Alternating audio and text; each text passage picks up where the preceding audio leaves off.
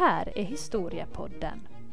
En podcast som görs med anledning av att Ålands självstyrelse fyller 100 år. I några avsnitt diskuterar vi Ålands historia och händelser som format oss till dem vi är. I detta första avsnitt, som handlar om vägen till självstyrelse, möts Harry Jansson, minister i Ålands landskapsregering med en omfattande kunskap om den åländska självstyrelsen och Christer Kovaja, docent och forskningschef vid Svenska litteratursällskapet och även en av författarna till den fjärde delen av det åländska folkets historia. De samtalar med Ålands Radios Nina Smeds. Fram till 1808 och nio års krig var Åland och hela Finland en del av det svenska riket. Sverige miste sin östra rikshalva efter kriget och Ryssland fick Åland och resten av Finland. Finland blev självständigt 1917 och 1921 beslöts att Åland ska tillhöra Finland. Vi börjar diskussionen med att prata om hur maktskiftet från Sverige till Ryssland märktes här på Åland. Det är klart det att det, där, det uppstod ju en, en, en gräns till, det, till, till Sverige i Ålands hav, att det var ju en, en stor förändring.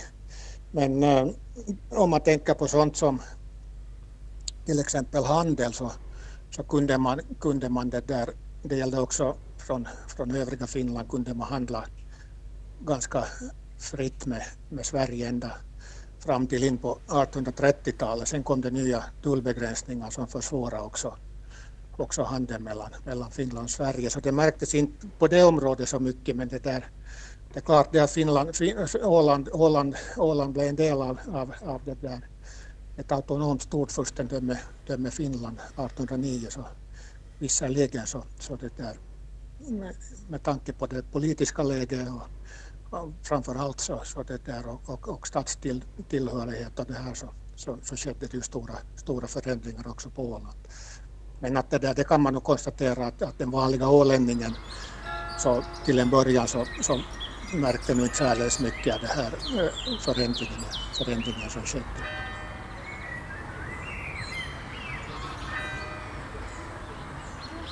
det man märker då, då som är vanlig ålder det är ju inkvarteringen av ryska soldaterna som börjar ju ganska snabbt på så att säga. Så fort vi, första vintrarna börjar komma där, där man inte längre kunde ha ett fältläger. Och det, därför har den kallas kallats i vissa historieböcker för inkvarteringstiden också. Den tid som är fram till Bomarsundsfästningen bör ta form. Om man där då har en garnison och därmed bostads eh, logiutrymmen för, för för ryska, ryska manskapen. Och den här tiden, man tänker så, är x antal tusen ryska soldater då som skulle rymmas i bondgårdar. Ganska trångt. Och, och de utmaningarna det försatte åländska befolkningen i. Så de, det, det, det, det, finns ju många historier som också har levt lite kvar i, i mannamun. Och det, det är klart man förstår att det, det, inte minst på kärlekens område så var det en tuff sak att farmerande ryska soldater då var en del av det åländska livet och därmed en konkurrens om kvinnorna på Åland. Naturligt, som alltid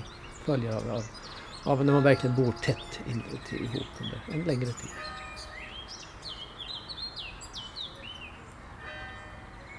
Ja, för Åland var väl, när, när Finland och Åland hörde till Sverige så var vi ju mitt i det svenska riket. Nu blev Åland plötsligt en gränsregion mellan två fiendemakter. Vi blev det ryska imperiets utblick till, till väster och där, där, därför kom också Ålands post, post och tullhus förverkligas då som en, en manifestation att här börjar nu verkligen ett ryskt maktimperium ta form. Annars så, så fortsatte det, som med storfurstendömet eh, Finland i stort, så, så fortsatte ju den svenska tiden i form av det regelverk och den, den, formella struktur som, som, som hade byggts upp under svenska tiden. Det fick man ju leva kvar. Så därmed läggs ju egentligen grunden också till Finland som nation i och med att där får man, man utvecklas ju som en eget en egen del trots att man är del, en del av ett ryskt imperium. För att ta frågan lite längre. ja men om man tänker som så då att, att kanske det eh, ryska intresse för att göra Åland och Finland så väldigt ryskt fanns kanske inte. Inte det skedet, det kommer senare. När kom det då? Det kommer sen i slutet, slutet av 1800-talet. det var ju så också att det var ju olyckligt det där förstås både för Finland och också för Åland att, att Atlantdagen i Finland sammanträdde ju inte efter 1809 utan, utan på en 50-års tid utan först utan nästa gång 1863 och då var det, det, det betydde också att det var svårt att, att, att skapa, skapa nya äh, lagar och förordningar mm. och sånt här, så att det, där, det hade konsekvenser för hela, hela Finland mm. också. Ja, men förryskningsperioden började ju först sedan på, ja. på 18, i slutet av 1800-talet. Men man kan nog kalla faktiskt det som Christer beskriver fram till 1863 och Lantan kan man nog egentligen beskriva som också en period av stagnation. Kanske ålänningarna i gemen tänkte inte på det men faktum det ledde till det för det fanns inga reformer. Ändå kom ju ålänningarnas liv att präglas av bygget av Bomarsund förstås för den från start 1829. 1830. Så det är ju det som präglar egentligen. Och även om forskarna strider ju lite om vad det faktiskt är nytt eller ej för Åland med det här fästningsbygget. Men andra anser att det här var otroligt viktigt för ekonomin. Så det, det är sådär man kan se olika saker.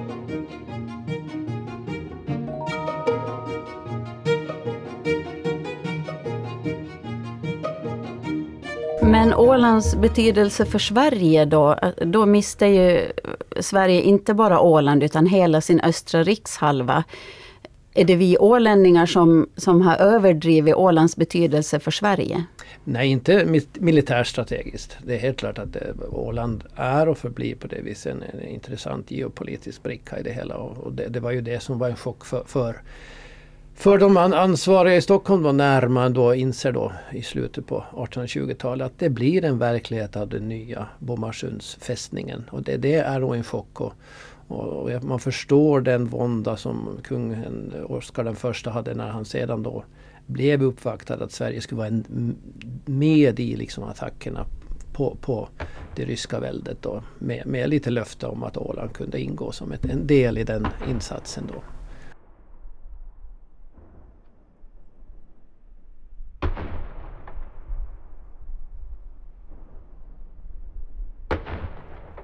Ja, det är absolut så att, att Åland var strategiskt viktigt och det var därför en orsak till att, att, att Ryssland också krävde att, att det där 1809 att, att det där Åland, Åland skulle det där äh, införlivas med Ryssland. Att det där, man såg det som, som mycket strategiskt viktigt. Åland har alltid varit strategiskt viktigt som just som, som mittemellan mellan Sverige, Sverige och Finland. Mm. Men om man läser, då, läser på lite så verkar det som att det åländska intresse under kriget 1808 till 1809 att det åländska intresse för att ställa upp och försvara Sverige mot Ryssland var väldigt litet. Vad säger det om engagemanget för mm. att... Men där, där, där tror jag kanske du har missat en, en oerhört central punkt. Mm. Vad händer på Åland 1808, våren? Maj 1808?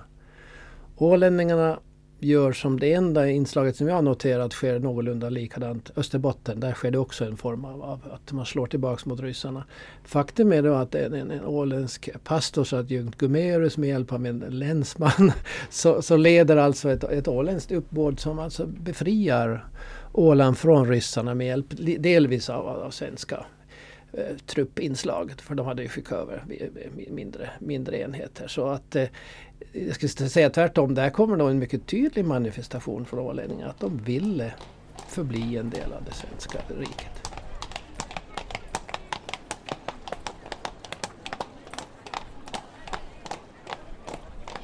Jag håller med Harry här att det är just på det sättet och det där Eh, det, nu var ju också, fanns ju den här tendensen i det, det övriga Finland också. Nu hade man ju hellre stannat kvar under under Sverige att bli, bli en del av, del av Ryssland. Men det där sedan med tiden så på grund av den autonomi som storfurstendöme fick så blev man ju, blev man ju ganska, ganska nöjd med de förhållandena i Finland. Men, men Polen så, så ja, det, det är ju alltid svårt att säga hur det där allmogen tänkte och, och, vad de tyckte men att, eh, jag har nog den uppfattningen att ända fram till, till efter Krimkriget så fanns det, fanns det kanske eh, troligen en, en sån här stark, ganska stark också längtan att kunna återförenas.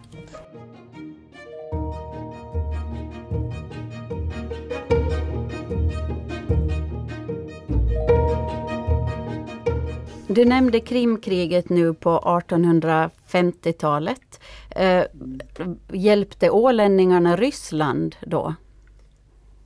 Eh, nej, det, det där är ju också diskuterats, det diskuterats ganska mycket. Att det där, eh, på vilken sida stod ålänningarna? Det finns ju sådana som påstår att de hjälpte mera, mera det där engelsmännen och fransmännen. med det, där, Eh, det är svårt, det har nog det där diskuterats hit och dit. Och det där.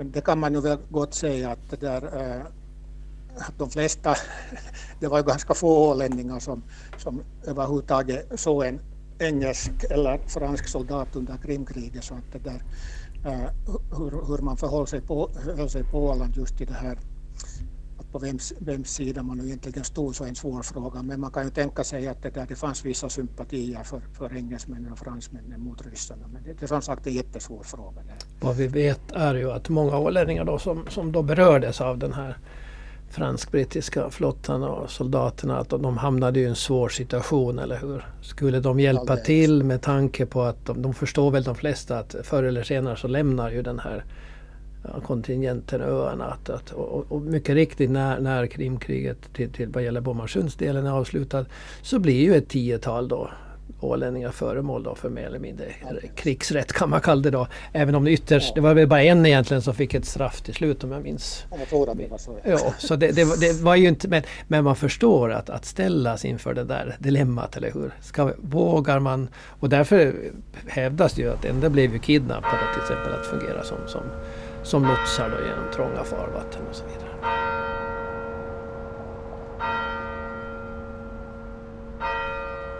Hur kom det sig då att Åland blev en, en tvistefråga efter första världskriget? Att det blev så stort att det lyftes upp till Nationernas förbund?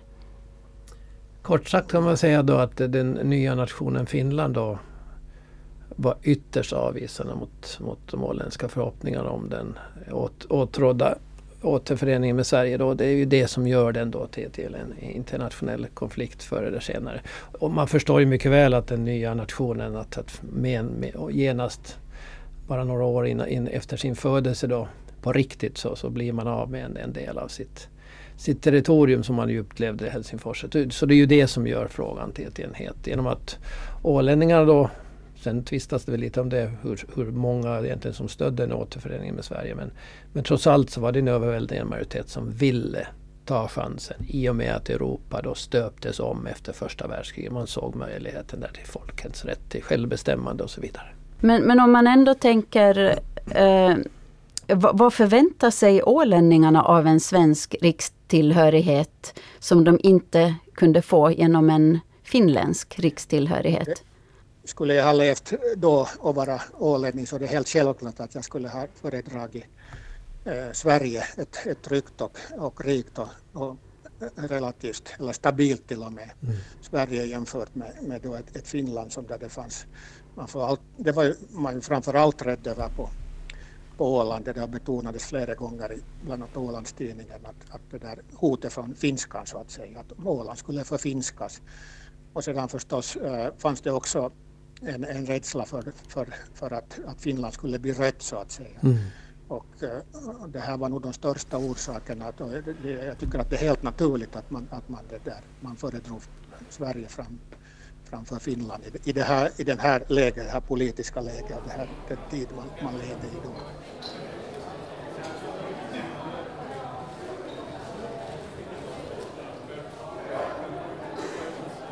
Man ville höra till ett land som var rikt, eh, högerorienterat och svenskspråkigt. Trygghet och språket ska jag nog säga. Det, det var det, det, det, det handlade om faktiskt. Det var de två. Och, och man måste ju förstå ålänningar på den tiden då. Med tanke på vad Finland genomled som ny nation då med, med allt, allt med inbördeskrig och allt det. Och naturligtvis det ryska hotet fanns ju latent. Skulle de röda då ha framgång så skulle ju då bolsjevikerna på den tiden då ha, ha ett inflytande också över Åland och det, det, kunde nog inte ett borgerligt sinnat öriket kanske tänka sig. Så man måste, men det är som Christer säger, om man kunde, kunde konkludera på det viset att allt utom en återföreningsrörelse skulle ju ha varit direkt märklig i ljuset av de händelserna som vi har, har i, i bagaget från den tiden. Ja. Mm. Sen försöker jag visa i det där Ålands historia att, att, att om vi går till, till slutet av 1800-talet, just där i början av 1900-talet så, så tror jag att att det där, då var liksom Åland och ålänningarna närmast Finland under hela den här så att säga, tiden från 1809 till 1917.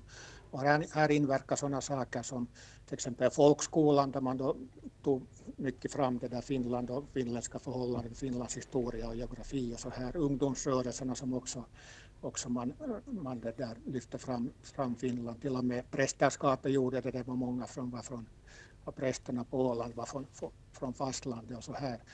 Och det där, Julius Sundblom talar ju varmt för Finland och det där propagerar om, om saken i Ålandstidningen. Och, och jag, har, jag, jag, jag, tror att också att Julius Sundblom hade en ganska stor betydelse när, när Åland så att säga, eller man brukar tala om vända klappan som nu kanske heller är riktigt rätt uttryck, men i alla fall att, att börja, börja det där blicka västerut mot Sverige. Så Julius Sundbloms åsikt i saken hade nog stor betydelse för, för allmogen på, på Åland. Att det, där, det, det har jag fört fram.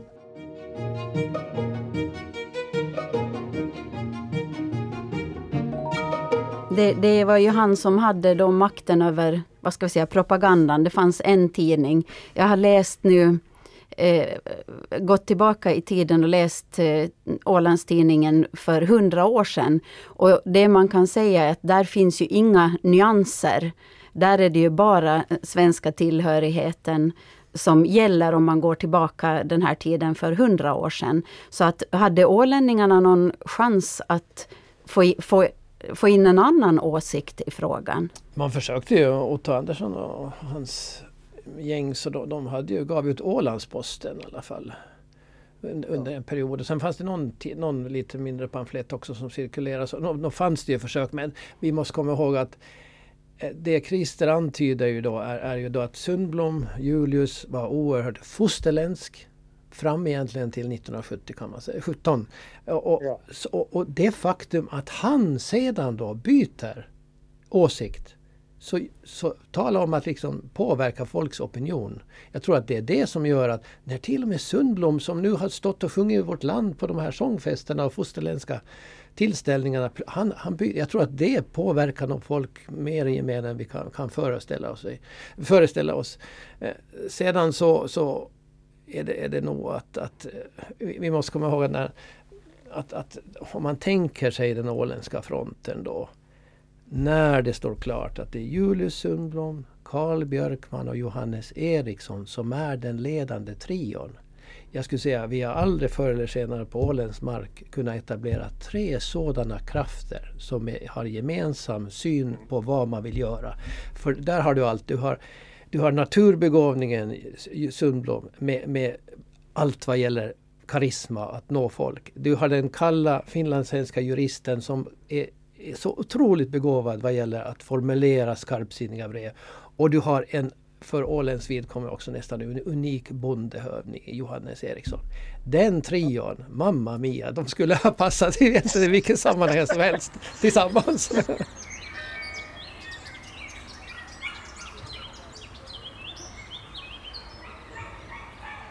Men om man tänker här nu eh, eh när eh, Svenska folkpartiet grundades i Finland 1906 så var, var bland annat Julius Sundblom eh, han var en av de två ålänningar som var med i centralstyrelsen.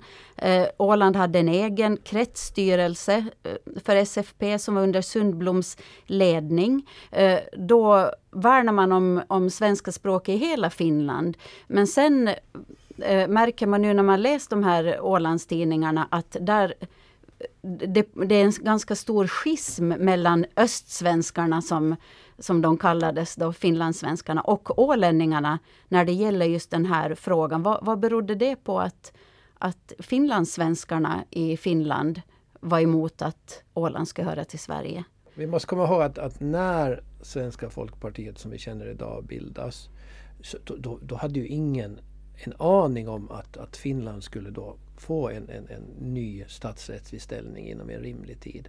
Utan då var det ju naturligt att ålänningarna med tanke på svenskan som utgångspunkt förena sig med då likna, likasinnande krafter då på, på andra sidan skiftet. Så ett naturligt steg. Utan man måste nog se Ålandsrörelsen på det sättet isolerat. Det som hände före 1917 så, så präglade ålänningarna eh, så att säga, i, i, i, grunden och sedan kommer allt det här där man ser vi har både världs, världskriget, vi har oroligheterna i Finland, den allmänna oron vi talade om tidigare. Och det var, det, där uppstår ju den, ska säga, ett momentum för att förändra Ålands ställning. Men Christer, varför tror du att finlandssvenskarna inte stödde Åland i den här kampen att bli svenska? Det, där, det hade ju nog att göra med det att, att eh, det har att göra med svenskheten i Finland i stort och det där, eh, man skulle ha förlorat det där var det, det var över 20 000 människor på Åland vid den här tiden. Och det där eh, 20 000 eh, svenskar i Finland mindre så hade det förstås också en betydelse för, för det här finlandssvenskarna på, på fastlandet så att säga.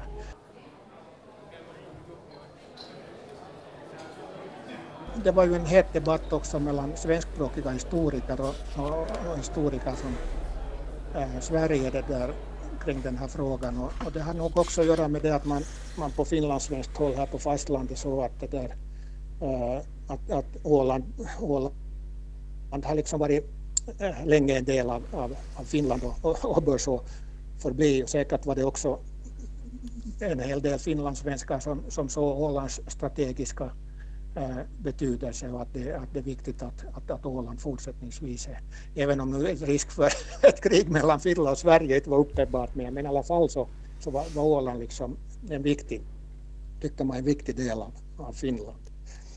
Eh, vi har också varit inne på det här att, att många i samhällseliten på Åland hade rötterna i fastlandet. Eh, men eh, var, var det då de som kanske drev den här eh, frågan att man skulle stanna kvar i Finland? Det är klart att, att det, det, i och med att de nu var danare, till exempel då, de lärarutbildade via Nykarleby seminariet som är ju berömd för sin fosterländska fostran. Så att säga. Det är klart att de naturligtvis inte kunde tänka sig att, att Åland skulle byta, byta statstillhörighet.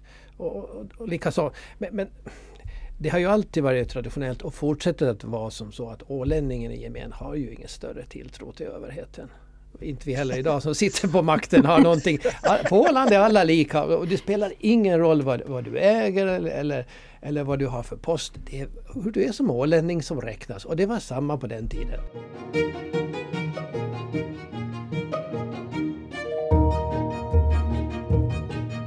Och det var ju därför som, som naturligtvis den här starka trion med Sundblom i spetsen var så framgångsrika. För, för det de motståndare hade, den enda som kan räknas som, som en motståndare med kraft var ju faktiskt Johannes Holmberg, Getasonen, som var en karismatisk person också det. Han kom ju sedan att leda det åländska parlamentet 1945. Så det visar att han var en stark person redan då i, i samband med Ålandsrörelsens eh, dagar. Och, och, så att han, han hade inte så lätt uppgift, Johannes Holmberg. Men för att återkomma till det du sa.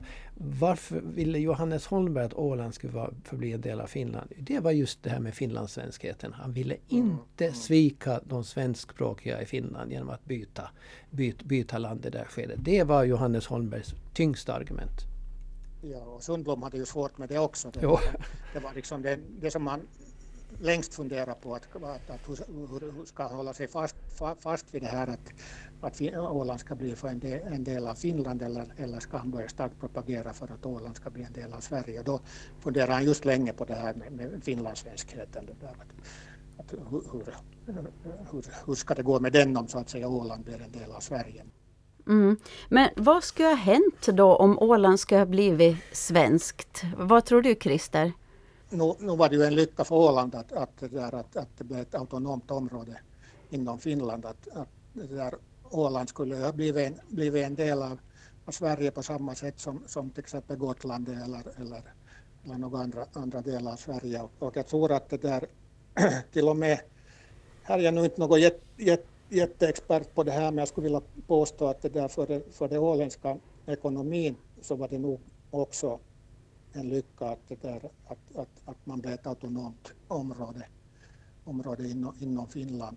Sen, sen det där äh, skulle det säkert ha alltså blivit ett, locka mycket, mycket det där sommarboende från, från Sverige som skulle ha köpt äh, mark och stugor, stugor på Åland det där och byggt stugor och säkert också skulle Åland ha, en, liksom man, man har gjort redan länge har varit en sån här, ett eh, ställe som turister gärna söker sig till så att det skulle kunna ha skett en förändring sedan på 1900-talet. Men jag menar under 1800-talet så, så tror jag att också att när det gäller ekonomin så var det en lycka för, för Åland att, att, att, att man inte blev, blev en del, del av Sverige.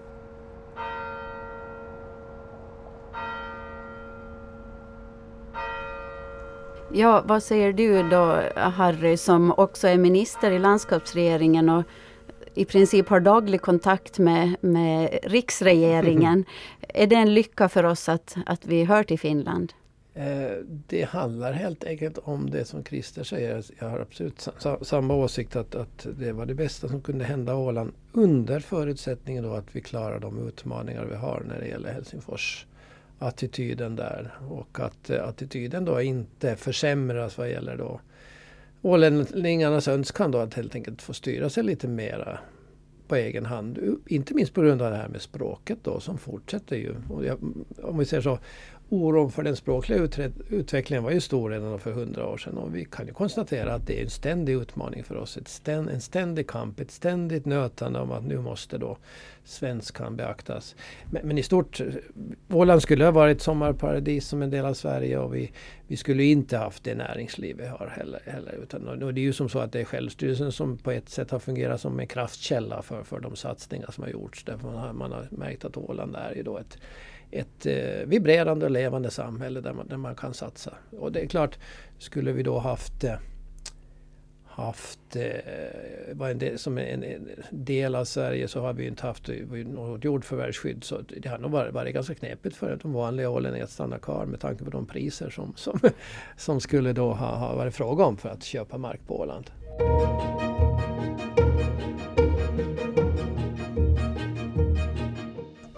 Men det jag skulle ännu vilja påpeka det här att, att när vi tänker på Krimkriget så, så var det nog också en lycka eh, på sätt och vis att, det där, att Åland var en del av Finland för att skulle det ha varit en del av Sverige så fanns, skulle det nog varit stor risk att, att ryssarna skulle ha ockuperat alltså Åland och, och i samband med ockupation så blir det ofta sådana äh, ganska äh, ska vi säga, olyckliga och hemska, hemska följder. Så att, så att det är mycket i historien som skulle ha skulle ha gått, gått nog annorlunda om, om Åland skulle ha varit en, varit en del av Sverige. Ja, och det där är en intressant iakttagelse som Christer gör. Om man tänker då att, att när, trots Åland då, Ålands geopolitiska del av, av, av, av, av samhällena i stort så, så får vi gå tillbaks till 1700-talet och lilla och stora ofreden då för att verkligen se att ålänningar blir lidande till följd av sin geo, geopolitiska situation. Så det är ganska intressant. Trots att vi har varit i den här brännpunkten så har vi varit förskonade ändå då sen, sen 1740-talet då från, från några värre saker än enstaka bombningar. Och lite naturligtvis de illdåd som skedde under den ryska tiden som naturligtvis hör till när folk lever tätt tillsammans.